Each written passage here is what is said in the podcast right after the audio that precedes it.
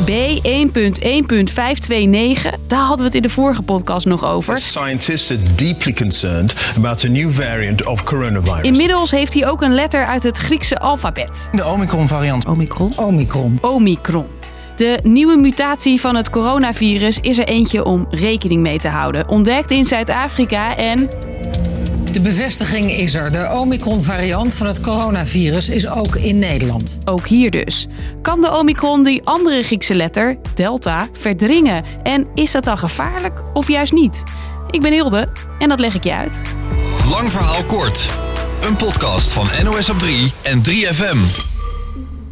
Het is letter nummer 4 van het Griekse alfabet. Delta. De huidige dominante variant van het coronavirus. Even een testje. Wanneer zei collega Marco dit? Wat weten we nu over die Delta-variant? En is die Delta-variant ook voor ons in Nederland een gevaar? En, wat denk je? Begin dit jaar ergens? Nou, dat was dus half juni. En eind augustus was hij in de hele wereld echt dominant. Nog niet eens zo heel lang geleden dus. Waarom ik je dit nou vertel? Nou, dat er dus nieuwe varianten opduiken is niet eens zo bijzonder. En ook niet per se reden voor paniek. Elke keer dat een virus iemand anders besmet, verandert het virus een beetje. En dat gebeurt willekeurig, legt deze hoogleraar immunologie uit. Dus het betekent niet automatisch dat mutaties altijd betekenen dat er iets dan slechter voor ons wordt. Hoe beter het virus erin is om anderen te besmetten, hoe vaker je dat virus terugziet. En zo verdringt de ene variant de ander. Omicron zou Delta dus kunnen verdringen. En de kans daarop lijkt best aanwezig omdat het virus besmettelijker zou zijn. Luister naar deze hoogleraar virologie. Op basis van de variaties die je ziet in het eh spijkeiwit, de buitenkant eh, van het coronavirus, eh, suggereert wel hè, dat hij beter kan binden aan de receptor bijvoorbeeld. Dus dat duidt er wel op dat hij mogelijk meer besmettelijk zal zijn. Nog meer coronabesmettingen. Dat klinkt sowieso als slecht nieuws, toch?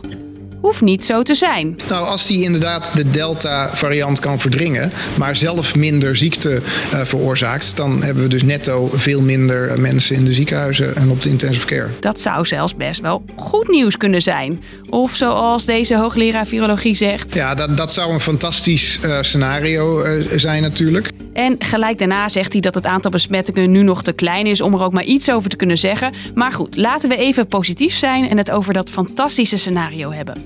Omicron als besmettelijker dan Delta, maar minder ziekmakend. Gevolg?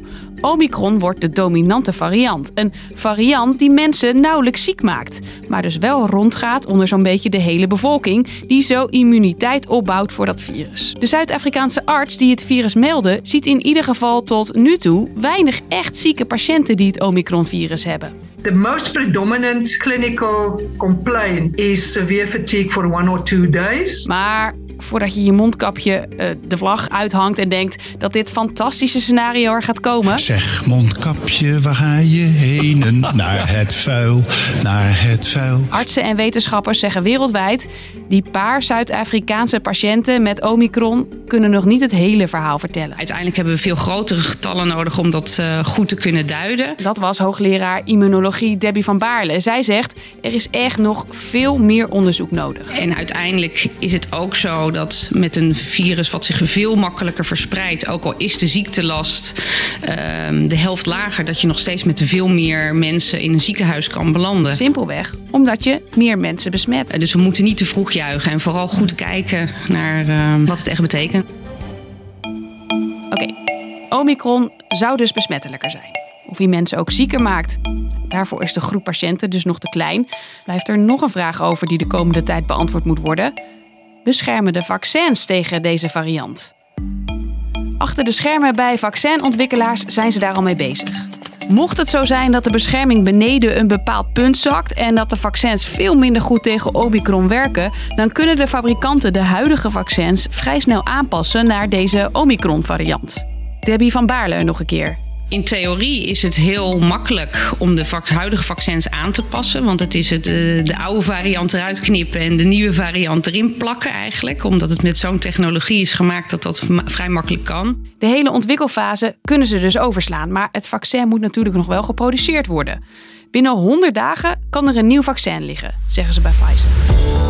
Dus Lang verhaal kort. Virussen muteren en dat hoeft echt niet altijd slecht nieuws te zijn. Omicron lijkt een besmettelijke coronavariant te zijn die Delta zou kunnen verdringen. Maar welke gevolgen dat heeft voor mensen die besmet raken en voor de werking van vaccins, dat is nu nog te vroeg om te zeggen.